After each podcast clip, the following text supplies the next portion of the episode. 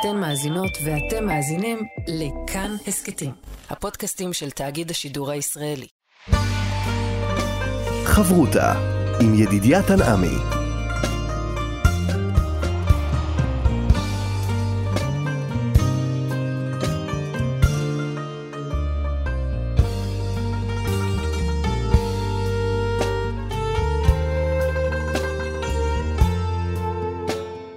שלום כאן מורשת חברותא לימוד משותף עם רבנים ואנשי חינוך בנושא תנ"ך, הלכה ואמונה. היום אנחנו לומדים אמונה יחד עם הרב מתניה ידיד, ראש מרכז ספרא לחינוך וזהות. כאן ליד המיקרופון, ידידיה תנעמי, שלום לך הרב מתניה ידיד. שלום. אנחנו במוצאי יום העצמאות, יום אה, מיוחד, וזאת הזדמנות להבין את היום הזה במבט אה, אמוני. וכשחוגגים את יום העצמאות, בסופו של דבר, האם אנחנו חוגגים את זה כמו כל עם, כמו כל אה, מדינה, יש לנו עצמאות בארץ שהיא שלנו? תראה, הזכרת נכון, להרבה מאוד מדינות בעולם יש אה, יום העצמאות, Independence Day, והרבה מאוד מדינות מציינות את זה, וכמובן שעצמאות זה דבר חשוב. כן, האדם נברא ליצור, האדם נברא ל- ל- להיות חלק ממשפחת העמים, אבל עם הייחודיות שלו, ועצמאות בהחלט נותנת את זה. אבל קודם כל, צריך לומר את האמת, אדם קרוב אצל עצמו. יום העצמאות שלנו לא דומה ליום העצמאות של אף אחד אחר, קודם כל כי זה שלנו. אבל צריך להגיד שאתה יודע, חודש ניסן שעברנו אותו הרגע, אז המשפט של הרב קוק הוא שיציאת מצרים היהודית, העברית, תישאר לעד האביב של העולם כולו. זאת אומרת, קרה משהו ביציאת מצרים ששידר לעולם שעבדות היא לא המצב הטבעי של האדם. המצב הטבעי של האדם הוא חירות, הוא עצמאות. אז יציאת מצרים גילתה לעולם שגם עם של עבדים יכול להפך להיות עם של בני חורין. האם גם יום העצמאות שלנו, של מדינת ישראל, היום במשפחת העמים, מסמל משהו לעולם כולו מעבר לעצמאות רגילה של מדינה רגילה? אולי וכאן... ננסה להבין מה זה בכלל עצמאות. וזה באמת אה, מילה, אתה יודע, הנה, בתנ"ך המילה עצמאי. עצמאי, אנחנו משתמשים בזה בענייני מקח וממכר, mm-hmm. ומשתמשים בזה גם uh, להגיד שאדם הוא מאוד מאוד ככה יוזם ועצמאי, אבל בהחלט העצמאות והחירות היא לא חירות פרטית. והרב קוק מדגיש את זה בכל כך הרבה פסקאות, שלא מדובר כאן על החירות האישית, הפרטית, אה, של האדם לעשות מה שבא לו ומה שהוא רוצה, מדובר פה על חירות של עם. ואולי השאלה צריכה להתחדד ולשאול, מה זה עצמאות של עם? אני מבין מה זה עצמאות שלי, אני עושה מה שאני רוצה. ומה זה עצמאות של עם? מה המשמעות של עם פתאום יוצא מעבדות לחירות במובן הלאומי, פתאום יש לו מדינה, יש לו צבא, וזו המשמעות, אני רוצה להגיד שאין פה סימן קריאה. אנחנו בונים את העצמאות שלנו, אנחנו בונים את החירות שלנו, ואני רוצה להגיד לך שגם אה, כשהרמב"ם מתאר את תהליך הגאולה העתידי של עם ישראל, איך הוא כותב? לא נדע איך יהיה עד שיהיה. בעצם מה הרמב"ם רומז בו? תלוי בנו. תלוי בנו. את סיפור הגאולה שלנו אנחנו כותבים, בסייעתא דשמיא, עם הרבה מאוד תפילות, אבל את הסיפור הזה אנחנו כותבים. אתה שואל אותי מה זה עצמאות של עם, אני יכול להגיד לך איך היא נראית היום, לא יודע איך היא תיראה בעוד שנה. עכשיו, העניין של, אתה אומר תמיד עם, מה עם ארץ? הרי למשל בארצות הברית אולי יש כל מיני אה, עמים שונים, והחגיגות זה על הארץ עצמה. מעניין מאוד, כי המילה, למשל, בוא, בוא ניקח אפילו את השורש של המילה. הרי המילה ארץ מופיעה כבר בפסוק הראשון בתורה, בראשית mm-hmm. ברא אלוהים את השמיים ואת הארץ. ואני חיפשתי הרבה זמן מה המשמעות של המילה ארץ. מאיפה זה מגיע? יש ידידיה איזה מילה עברית שאתה שומע במילה ארץ? משהו שרץ. מעניין מאוד, מעניין מאוד מה שאתה אומר, וזה לא רחוק ממה שכותב מי השילוח. טוב. מי השילוח, האדמו"ר איזביצה. במי השילוח, כן, מאישביצה ומסדרת האדמו"רים הנפלאים שזכינו להם. אז הוא כותב שהמילה ארץ, אגב, הוא, הוא הרבה מאוד מפענח מילים, הוא אוהב את זה מאוד, mm-hmm. ואחד המילים שהוא מפענח זה המילה ארץ. מה זה המילה ארץ? הוא אומר שזה לשון המילה ארצה. רצון. רצון. האם למילה רץ יש גם משמעות של רצון, המקום שאליו אני הולך, המקום שאליו mm-hmm. אני רוצה? בהחלט שכן. אז הוא אומר שהמילה ארץ זה לשון המילה ארצה. איך זה קשור? איך קשור למילה ארץ, שאנחנו תופסים אותה כמדינה, כארץ, כאדמה, למה זה קשור למילה רצון? אז באמת, כאן זה מבטא את הייחודיות שאולי היהדות מביאה לעולם כבר מהיום הראשון של הבריאה. בעצם, יש מקום, והמקום הזה הוא מקום ייחודי. כמו שהכוזרי כותב, את הגפן אתה לא יכול לגדל בכל מקום. הגפן גדלה באותם מקומות שעוזרים לה להתפתח ולגדול. האמונה היא שלכל עם יש ארץ, לכל עם יש רצון, יש מדינה משלו, יש לאומיות משלו. אנחנו לא, אה, אתה יודע, imagine וכולי, בואו נשבור mm-hmm. את כל הגבולות ונחליט שכולם אותו דבר. לכל עם יש את הייחודיות שלו, את התרבות שלו, את המסורת שלו ואת הארץ שלו.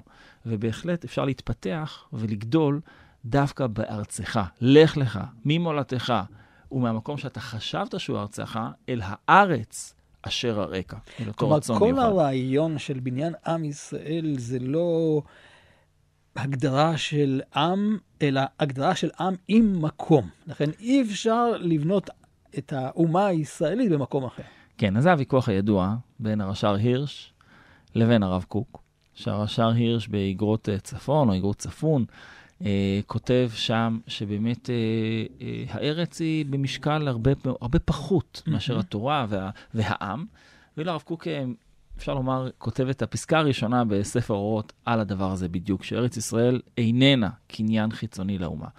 ובהחלט זה ויכוח שאלו ואלו דברי אלוקים חיים. זאת אומרת, המקום של הארץ, המקום של הארץ בעבודת השם, בעבודת אלוקים, כמה הוא תופס, כמה הוא נוכח, כמה הוא משמעותי, בעיקר שאנחנו מרגישים שאנחנו בתהליך של גאולה. Mm-hmm. זאת אומרת, האם הארץ צריכה לתפוס מקום? לפעמים, אני אומר את זה בחריפות, זה ויכוח שקורה היום במדינת ישראל, האם גם כנגד לפעמים העם. זאת אומרת, אנחנו צריכים ללכת קדימה, והארץ היא חלק מהותי מההתפתחות שלנו כאן. או שהעם והתורה, זה ויכוח שהוא מאוד מאוד רחב היום, ויש לו הרבה רגע, מאוד משמעויות. איך אפשר להסביר את המצוות התלויות בארץ? הרי מה, זה... במקום אחר זה לא... לא עניין. יתפוס. בדיוק. וכשהגמרא שואלת, למה משה מבקש, מתאווה להיכנס, וכי לאכול מפריה הוא צריך? הוא צריך לקיים את מצוותיה. אז גם הרש"ר הירש, לא יכול להגיד שאת אה, מצוות אה, עורלה מדאורייתא צריך, אה, אתה יודע, לקיים גם בגרמניה. זה לא כן. לא שייך בכלל, זה שייך רק בארץ ישראל. אז מה הוא התכוון? הוא התכוון להגיד שבעצם את הנוסח של תפילת אשכנז בתפילת שמונה עשרה. מה יש בנוסח תפילת אשכנז? אז באותה תפילה שמדברת על קיבוץ הגלויות לארץ ישראל, בנוסח אשכנז, אנחנו אומרים הרי, כולם אומרים, תקע בשופר גדול לחירותנו. חירות, עצמאות, ושא נס לקבץ גלויותינו, וקבצנו יחד מארבע כנפות הארץ. לארצנו כן. או בארצנו? ובנוסח אשכנז אין לא את זה ולא את זה. אה, מעניין. בנוסח אשכנז אין לארצנו בכלל.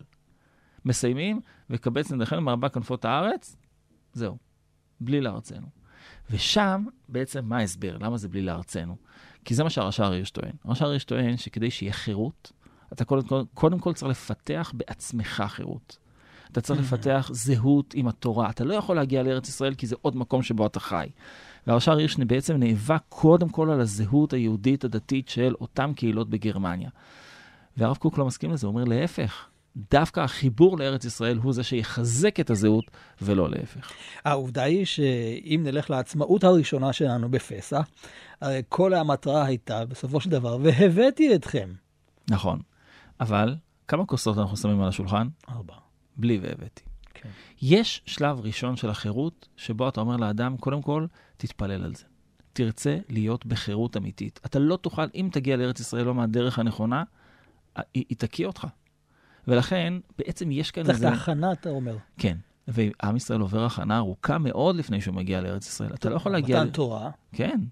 מתן תורה ו-40 שנה במדבר. מה הבעיה שהם ייכנסו לארץ וימותו בארץ? Mm-hmm. אם צריכים, יש עונש, בסדר, תכניס אותם לארץ ישראל, ושם ייקברו. לא, אתה לא יכול להיכנס לארץ כאילו זה, זה סתם. מה, מה זה שיהודים הגיעו לארץ ישראל, נשכבו על האדמה ונשקו אותה? כל כך הרבה תמונות נפלאות כאלה. מה זה? זה מסמל בתוכו געגועים של אלפיים שנה לארץ ישראל, ולא משנה אם גרת בתימן או גרת בפולין. בשניהם הייתה את אותה תמונה בבית, את התמונה של הכותל, של ארץ ישראל, וזה מהווה געגועים. דרישת ציון, איך נקרא הספר של הרב קלישר? דרישת ציון. דרישת ציון, מה זה דרישת ציון? זה לא רק uh, תן לי כרטיס טיסה. דרישת ציון פירושו, אם אתה לא תדרוש את זה, זה לא יגיע. חברותה עם ידידיה תנעמי. חברותה באמונה כאן במורשת, יחד עם הרב מתניה ידיד. והזכרנו את העניין של העצמאות הראשונה שלנו, פסח, וזה אולי מקביל ליום העצמאות. ואפשר לומר, אם ימשיך את הקו הזה, שיום ירושלים יכול להגביל אל חג השבועות. זה עוד קומה רוחנית. זאת אומרת, אי אפשר לעצור רק בעצמאות מדינית, עצמאות לאומית? בנאום הגדול, שבא לענות בדיוק על השאלה שלך, של הקדוש ברוך הוא בפרשת יתרו, רגע אחד לפני Mhm. מתן תורה, אומר הקדוש ברוך הוא למשה ובעצם לעם ישראל כולו, ואתם תהיו לי ממלכת כהנים וגוי. וגוי קדוש. שני הדברים האלה צריכים להיות גם ממלכה וגם כהנים, גם גוי, אבל גם קדוש. ובעצם המהלך הזה שאנחנו נמצאים בתוכו, שמתחיל ביציאת מצרים, שזה בעצם עצם העצמאות, עצם החירות, עובר משם. היום אנחנו מציינים גם את יום השואה, ויש לזה קשר כמובן הדוק לכל האירועים שאנחנו מדברים עליהם עכשיו.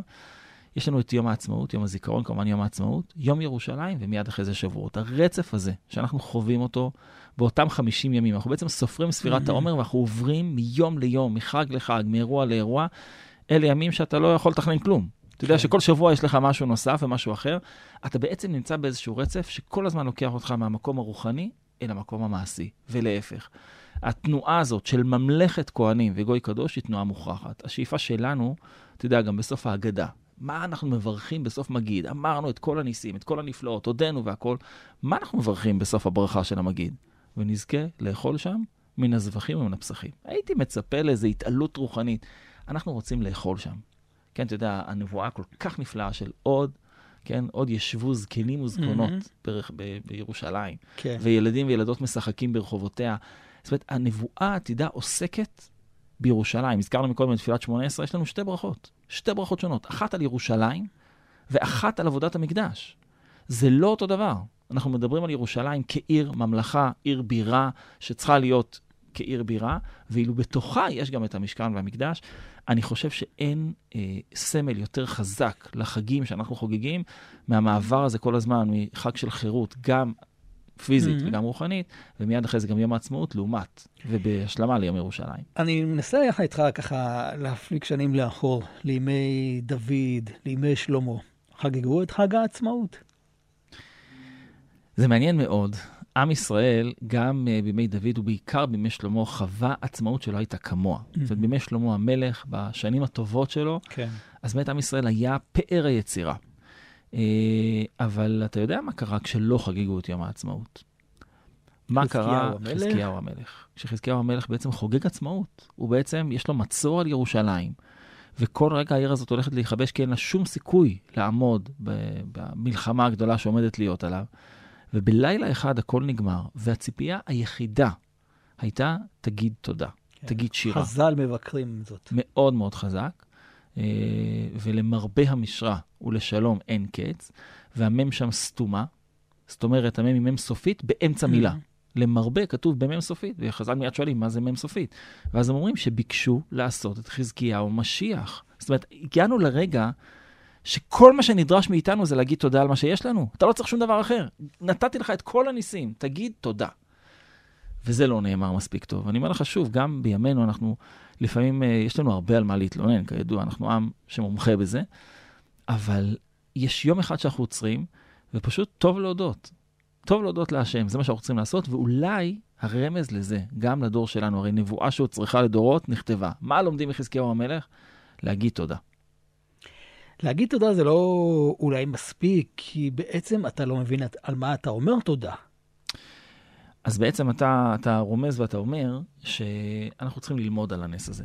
כדי שילד שגדל היום במדינה שיש לה צבא, ואתה יודע, אנחנו, אה, אה, שמעתי פעם מהרב צפניה דרורי, אה, סיפורים נפלאים על הילדות שלו, אם אני זוכר נכון, בשדה יעקב. והתיאורים שם, אני זוכר ששמענו את זה בתור נערים, והיה לנו קשה להאמין. קשה להאמין, כשאנחנו הולכים ברחובות ירושלים, ופתאום אה, סבא שלי יכול להגיד לי, "אתה- אני זוכר פה את החומה באמצע ירושלים, ואת הירדנים עומדים כאן עם, עם, עם רובים מעלינו. אמרתי לי, אתה רוצה לשתות משהו, סבא יקר? על מה אתה מדבר? על מה אתה מדבר? אנחנו לא יכולים לקלוט את גודל הנס. אתה יודע, שמעתי הרצאה על ניסי ששת הימים. יש הרבה ניסים ידועים, ויש הרבה ניסים לא ידועים. הרי כל חייל שהיה שם יכול לספר משהו. ואתה שומע את כמות הניסים הבלתי נתפסת שהייתה שם לכל חייל וחייל, זה בעצם, אה, אה, פשוט צריך ללמוד את זה. אגב, מי אומר את זה? מי, איזה, איזה ראשון מהמרכזיים שבהם אומר שאם אתה לא לומד על הניסים, אתה לא תדע על מה להודות. חובות הלבבות. חובות הלבבות, כל הספר שלו הוא מילות של הודאה להשם. והוא אומר שאם אתה לא לומד את זה ולא עוסק בזה, זאת אומרת, לימוד היסטוריה צריך גם Mhm. לאנשים צעירים וגם למבוגרים, כדי ללמוד על הניסים, כדי לדעת בדיוק על מה להודות. אז למה בעצם בליל העצמאות לא קובעים איזה ליל הסדר כזה, לבוא ולספר את ההגדה על הניסים והנפלאות שהקדוש ברוך הוא עשה לנו? אז קודם כל, אה, ראוי לכאורה. ראוי לכאורה. זה נכון שאין לנו היום את הכוח, אין לנו היום כנס, אנשי כנסת הגדולה וסנהדרין שיכולים, אתה יודע, לנסח משהו שיהיה מקובל על כולם, ואתה יודע מה יהיה ברגע שיוציאו אגדה אחת, יוציאו אגדות אחרות.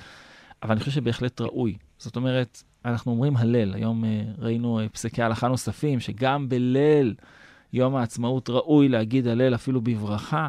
אה, זה כמובן מחלוקת הפוסקים בעניין הזה, אבל האם ראוי ללמוד על הנס, ראוי לדבר עליו, ראוי להגיד אותו? התשובה היא כן. אני חושב שחלק מהמנהגים של היום הזה, של יום העצמאות שהרגע עברנו, הם מנהגים מאוד ראויים. היכולת לטייל בארץ ישראל בצורה חופשית, בצורה הלוואי, בעזרת השם, אה, שנצליח תמיד, בכל מקום, לטייל בצורה חופשית, היא, היא, היא אולי האגדה שלנו. זאת אומרת, החיבור לארץ היום, ביציאת מצרים אתה לא תיסע למצרים כדי כן. להגיד את האגדה, אבל פה האגדה היא עצם החיים שלנו כאן. ואני חושב שאכן ראוי. אגב, אני מכיר uh, כמה וכמה משפחות שיש להם מנהג מאוד יפה ביום העצמאות, להכיר מקום חדש בארץ ישראל, לנסוע למקום חדש, ליישוב חדש, להכיר אותו, לטייל בו, ובהחלט uh, ראוי. זאת האגדה שלנו. כי בסופו של דבר, שוב, איך פתחנו ושאלנו, האם יום העצמאות שלנו הוא יהיה שונה ממה שנהוג במקומות אחרים? אז אני, אני רוצה לצטט לך משהו מתוך uh, דברים שאמר uh, בן גוריון בוועדת פיל, עוד ב-1937. זאת אומרת, עוד לפני שמישהו חלם שבאמת הדבר הזה יצליח בסופו של דבר, חלם בוודאי, אבל לפני שהוא ידע שזה הולך לקרות. והוא בעצם אומר שם, וזה אולי השוני מכל מדינה אחרת, התנ"ך הוא המנדט שלנו. אנחנו לא Mm. צריכים את המנדט שלכם. אומר שם בן גוריון, התנ"ך הוא המנדט שלנו. התנ"ך שנכתב על ידינו, בשפתנו העברית, בארץ הזאת עצמה, הוא-הוא המנדט שלנו. ואם אני לוקח את דבריו של בן גוריון, אפשר לומר החילוני מצד אחד, כן. שאין לו מזוזה בבית שלו. אין לו מזוזה בבית שלו, ומצד שני הבית שלו הוא מלא ספרים. גדל על התנ"ך. שלו- הוא גדל על התנ"ך, ובעצם הוא רואה בו את הקושאן שלנו, את המנדט שלנו. אני חושב שזה השוני הגדול. אנחנו לא חוזרים רק כדי להקים פה עוד מדינה בין העמים, אנחנו צריכים להיות, כמו שאומר הפסוק, אור לגויים. אה, האם אנחנו עומדים בזה? כל אחד יחשוב לעצמו. אמרת שזה גם תלוי בנו. זה, אני, אני רוצה לומר, אני אדם מאמין, אבל אני אומר שוב, זה כמעט רק תלוי בנו. זאת אומרת, זה תלוי כמובן בסייעתא דשמיא הגדולה. אבל כשהנביא ישעיהו אומר אה, אור לגויים, הוא מתכוון להגיד, כן, הפסוק, הפסוק אומר כך, ויאמר, נקל מהיותך לי עבד להקים את שבטי יעקב ונצרי ישראל, להשיב, ונתתיך לאור גויים, להיות ישועתי עד קצה הארץ. ובפסוקים אחרים ישעיהו משתמש בזה כמה פעמים. והלכו גויים לאורך, אור לגויים. זאת אומרת, השאיפה שלנו כעם היא לא רק להקים מדינה מתוקנת ומוסרית, אלא מדינה שתביא משהו. אני תמיד אמרתי שאם כל שבת הייתה נראית פה כמו יום כיפור, איזה אור לגויים זה היה? יש יום אחד שאנחנו לא נוסעים, שאנחנו לא בפלאפונים, שאנחנו לא... יום אחד שהוא, מבחירה כמובן, לא אה, אה, עושים דברים אחרים.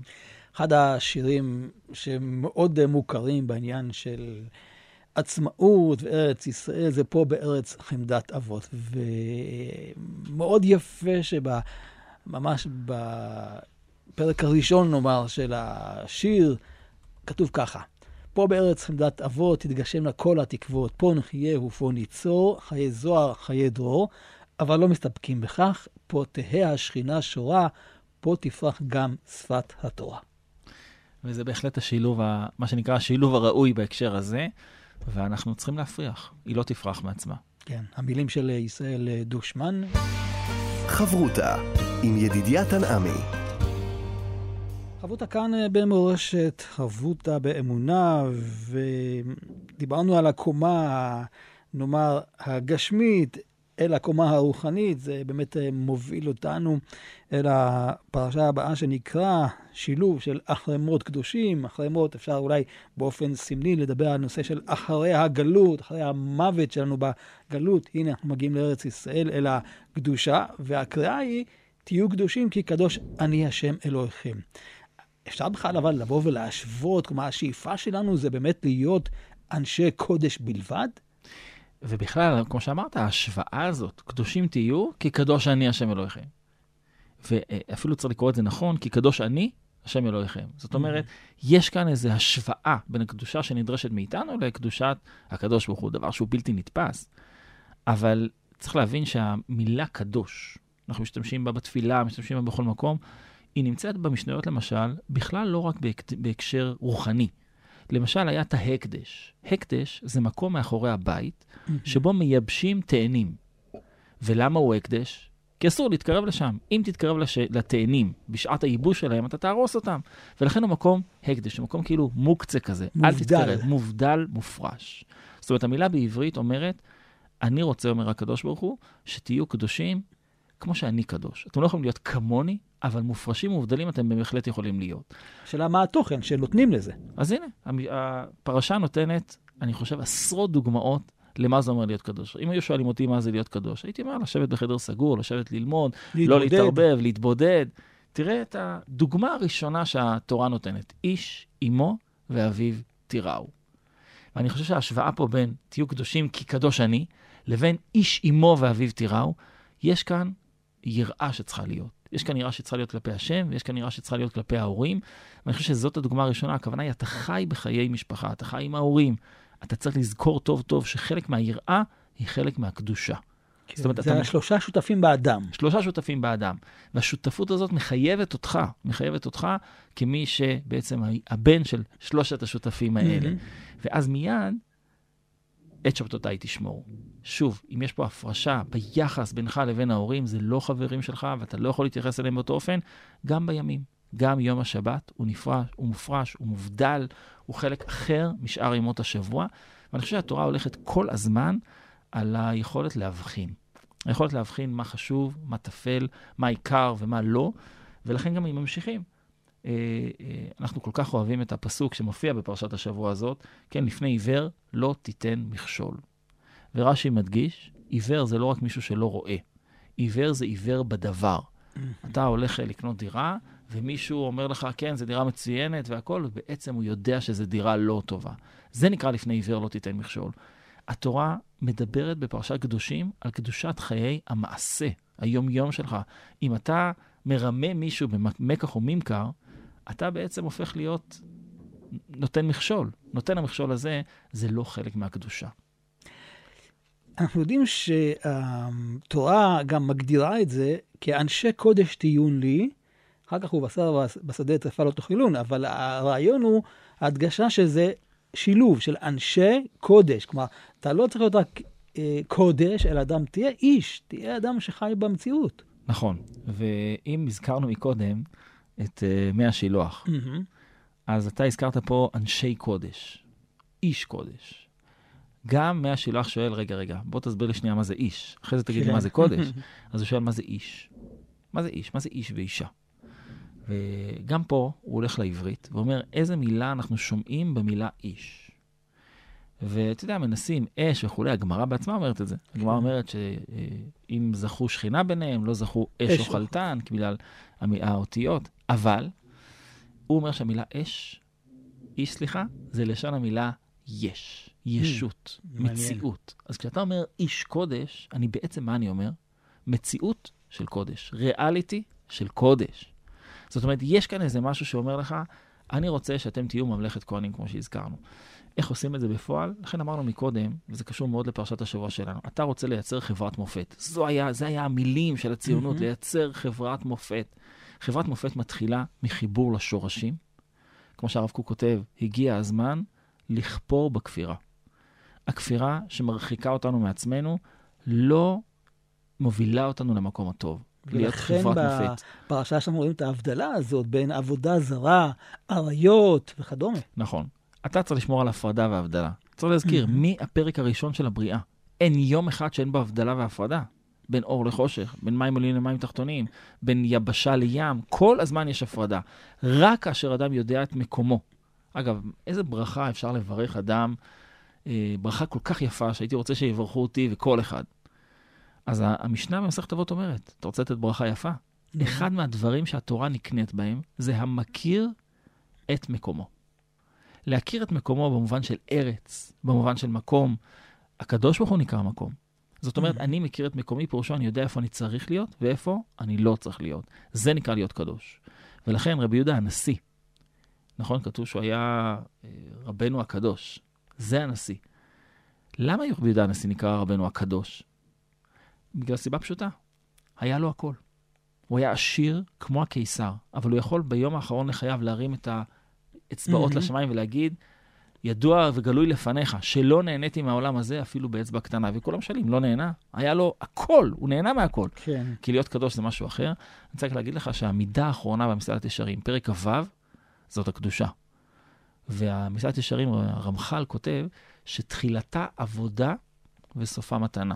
תחילתה השתדלות וסופה גמול. זאת אומרת, מידת הקדושה זה משהו שאתה מתחיל אותו, וההמשך שלו זה זכייה מהשמיים. תהיו קדושים, כי קדוש אני. אבל בדרך כלל כשאתם מדברים על אדם קדוש, למשל כהן, הוא אדם שהוא מופרש, הוא, הוא מורם מעם. אז מה, עם ישראל כולם צריכים להיות אה, למעלה ממה? בוא נדבר על המורם מעם הזה.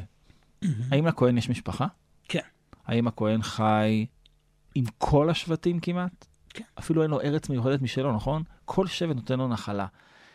המופרש המובדל הזה, אולי הוא הכי פחות מופרש המובדל שהיינו מדמיינים. הוא לא נזיר שגר באיזה פסגה של הר ומתבודד ולא מקים משפחה ולא כלום.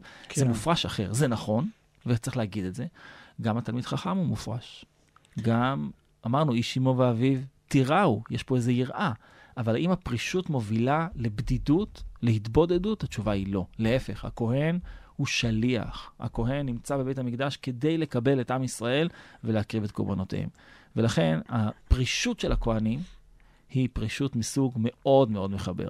אולי הדבר היפה, כתוב והכהן הגדול מאחיו. זאת אומרת, אה, הוא לא מנותק, הוא מחובר לאחים שלו, לעם ישראל, לכן הוא גם, הוא לובש את החושן שבעצם הוא נושא את שמות בני ישראל.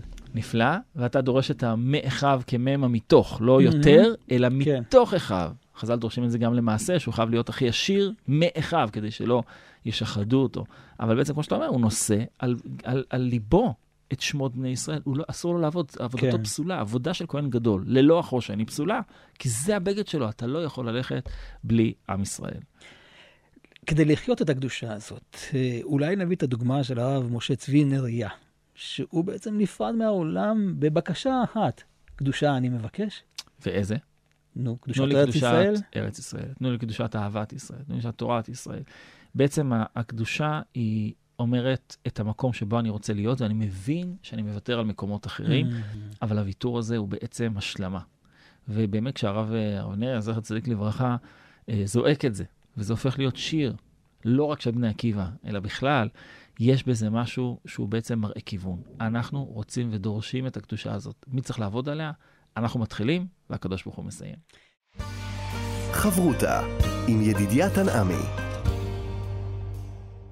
חברותה במורשת, חברותה באמונה, יחד עם הרב מתניה ידיד, אנחנו לקראת אה, סיום, אז צריך ללכת עם אה, מטען של רעיון, אה, כמו שתמיד נוהגים לומר בחגים, ועשיינו השם את ברכותיך, כן?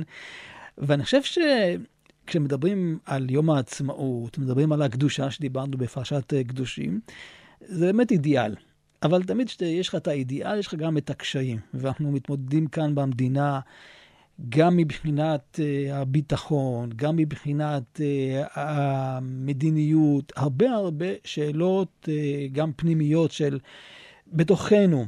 והשאלה בסופו של דבר, אדם שעולה לארץ, אז יש לו אה, את הקושי הראשוני, אבל הוא גם מגיע לארץ ונשאר עם הקשיים הללו. ואיך מתמודדים?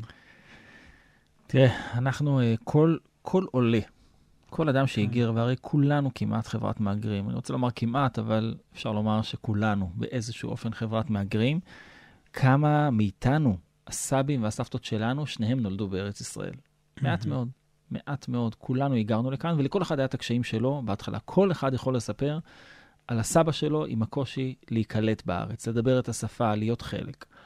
אבל אני רוצה לתת לנו גם איזושהי אופטימיות בתהליך הקשה הזה והמורכב.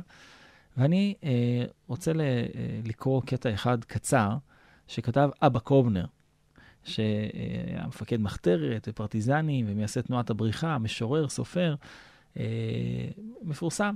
אבל הוא כותב קטע אחד שמתאר את ההגעה שלו לארץ ישראל. והאם היה לו קל או קשה, תבחנו בעצמכם. אז כותב אבא קובנר ככה, בכל משבריי שפקד, שפקדוני, פקדוני לאורך הדרך, דבר אחד לא נשבר. לא חדלתי להיות אדם מאמין. עכשיו, אם אתה אדם מאמין, ואתה מגיע לארץ ישראל, בוא נראה מה קורה. אף בגדול שבשברוני לא נתמוטטה אדמת אמונתי. כך הוא כותב. אמונה, מרכזה עבודה, והנשמתה היא התפילה. ולכן, כך הוא כותב, בשבוע הראשון להיותי בארץ, עמדתי ליד הכותל המערבי. הוא דואג להגיע בשבוע הראשון אל הכותל. אמי, זיכרונה לברכה, לא ציוותני דבר, שכן לא נפרדנו. נורא ואיום. עמדתי במרחק של פסיעה מן הכותל, מן האבנים, והרגשתי שאיני שייך. הוא מרגיש לא שייך, הוא עומד מול הכותל ואומר, אני לא שייך. הרגשתי שהנני נטוע בהוויה אחרת. לא פסעתי צעד נוסף. הוא נמצא במרחק של צעד אחד מהכותל ולא מצליח לצעוד את הצעד הנוסף. אבל באותו רגע, מישהו משך בשרוולים, ביקש שאצטרף למניין. Hmm. חבשתי כובע, הצטרפתי למניין, אמרתי תפילת מנחה, ואז הוא כותב, והגעתי. זהו דבר יהודי, כך הוא כותב. היותר ייחודי שביהדות, להיות אחד במניין. לדעת כי התשעה זקוקים לעשירי, והאחד לתשעה. אפשר שזה הדבר המשמעותי ביותר שביהדות. ואין דבר ייחודי ויהודי בתנועה זו יותר. אין דבר יותר ייחודי ויהודי בתנועה זו, בה חונכתי. תפילתי תמיד להיות אחד מכולם. ואני חושב שהוא ממשיך כמובן, שמילותיי הטובות תצטרפנה למילים שממלמל הציבור. יש משהו בפסקה הזאת של אבא קובנר, שהוא כותב אותה מהלב שלו, אני עמדתי מול הכותל, ובעצם זה משבר, אני לא מרגיש שייך. כל חיי האמנתי, כל חיי התפללתי, ופתאום אני מגיע למקום העיקרי ואני לא מרגיש שייך. אבל אז, ידידיה, תסכים איתי, לפעמים זה אחד הדברים היותר מעצבנים. אתה בא ללכת, ומה קורה? אתה יכול שנייה להשלים עניין פה למנחה או לערבית, אתה אומר, אני ממהר עכשיו והכול. ופתאום אבא קובנר אומר, זה מה שחיבר אותי. פתאום הרגשתי שאני אחד במניין. ואני גם רוצה לציין שתפילת שמונה עשרה, שהיא זקוקה למניין, הקדיש, הקדושה והכול, היא אולי התפילה הכי, הכי משונה שלנו. אנחנו עומדים בשקט, בדממה, אסור לי לשמוע מה אתה מתפלל, אסור לך לשמוע מה אני מתפלל, ובכל זאת איך זה צריך להיות? ביחד. ביחד. אז תחליט, אם זה בשקט, תתפלל בבית. לא, אתה אחד ממניין, אתה משלים פה את המניין הזה, ואבא קובנר זה מה שגורם לו פתאום להרגיש שייך. אולי זו התפיסה בכלל שלנו כאן אה, בארץ, שאנחנו מחוברים, זאת אומרת, אה, אנחנו ממשיכים של אברהם, יצחק, יעקב, כל השבטים, ביחד מתחברים ובאים כאן לארץ כמשפחה אחת. וזה ממש מה שפותח את התפילה שלנו. למה? כי אנחנו מתחילים את התפילה בברוך אתה השם, אלוהינו ולא אבותינו, אלוהי אברהם, Mm. אלוהי יצחק ואלוהי יעקב. אבל ידידיה, אני בטוח שאם אתה היית צריך לכתוב את התפילה, וגם אם אני הייתי צריך לכתוב את התפילה, איך היית כותב את זה? היית כותב קודם כל אלוהי אברהם, אלוהי יצחק, אלוהי יעקב, אחרי זה אלוהינו. אבל מחברי התפילה, אנשי כנסת הגדולה, קודם כל כותבים את מי? אלוהינו, ואז אלוהי אבותינו. למה? מפרשי התפילה, שבעצם יש כאן איזו אמירה עקרונית. אתה עכשיו עומד בכותל. אתה הדור שקיים כאן בארץ עכשיו. אתה זה שמתפלל ואתה יודע על מה צריך להתפלל. ולתפילה שלך אתה מחבר את האבות. זאת אומרת, אנחנו לא מנותקים, אנחנו מלאי שורשים, אבל אנחנו אלה שעכשיו עומדים בתפילה. ולכן, מצד אחד אתה תגיד את זה בלשון רבים, אלוהינו, אבל אתה תקדים את הדור הזה לדורות הקודמים. אולי פותחים לכן את תפילת היחיד ואחר כך את תפילת החזרה, לחבר את כולם. וזאת הסיבה ל-18. זאת אומרת, זאת הסיבה לחזרת השץ. אתה, אני חושב על זה המון, אתה אומר את כל התפילה, ואז אתה עומד ושומע שוב את כל אותה תפילה. הכל כדי שמצד אחד יהיה פה גם תפילת יחיד בלשון רבים, כן, נכון. אבל גם תפילת רבים בלשון רבים. זה המהלך של התפילה. אגב, אני גם חושב שבאמת, אה, אנחנו רואים את זה גם היום. אנחנו לא מצליחים כשאנחנו לבד. אנחנו יכולים להצליח רק כשאנחנו ביחד. אגב, זה מה שנאמר על דורו של אחאב, נכון? Mhm. יורדים למלחמה ומנצחים. למה? בדורו של חזקיהו, יורדים למלחמה ומפסידים. וזה היה דור רשע וזה היה דור צדיק. למה? שלא היו בהם דילטורים. דילטורים זה מדברי לשון הרע. כשאני יוצא למלחמה, זה לא נס, כשאני יוצא למלחמה, אנחנו עברנו עכשיו את יום הזיכרון ואת יום העצמאות, כשאני יוצא למלחמה ואני שכם אל שכם עם מי שעומד לידי, ולא משנה כרגע מה דעותיו ומה הוא חושב, אני עכשיו נלחם על הארץ ועל החיים שלנו, זה מה שמאפשר לנו ניצחון. וזו זו האחדות, ה- מבוארת כל כך. אז אולי נחתום במה שאתה טוב בו, אתה עושה פשרות בין אנשים. ואולי אה, אפשר לעשות אה, איזה רעיון, איזה ככה יציאה עם משהו לימים הללו עד יום העצמאות הבא, משהו שיפשר בין הציבור פה, שיחבר, יותר נכון. אז uh, השבוע סיימנו uh, קורס גישור נוסף, Mhm. ובסיום הקורס uh, אמרתי להם כמה מילים ידועות. נכון, ובשם רבי נחמן אומרים, כל העולם כולו גשר. גשר צר מאוד. מה שיכול לחבר בין שני חלקים של אדמה זה רק גשר, זה רק גישור. זה רק היכולת ללכת מצד אחד לצד שני, גם כשזה מאוד מאוד צר ומאוד קשה. Mhm.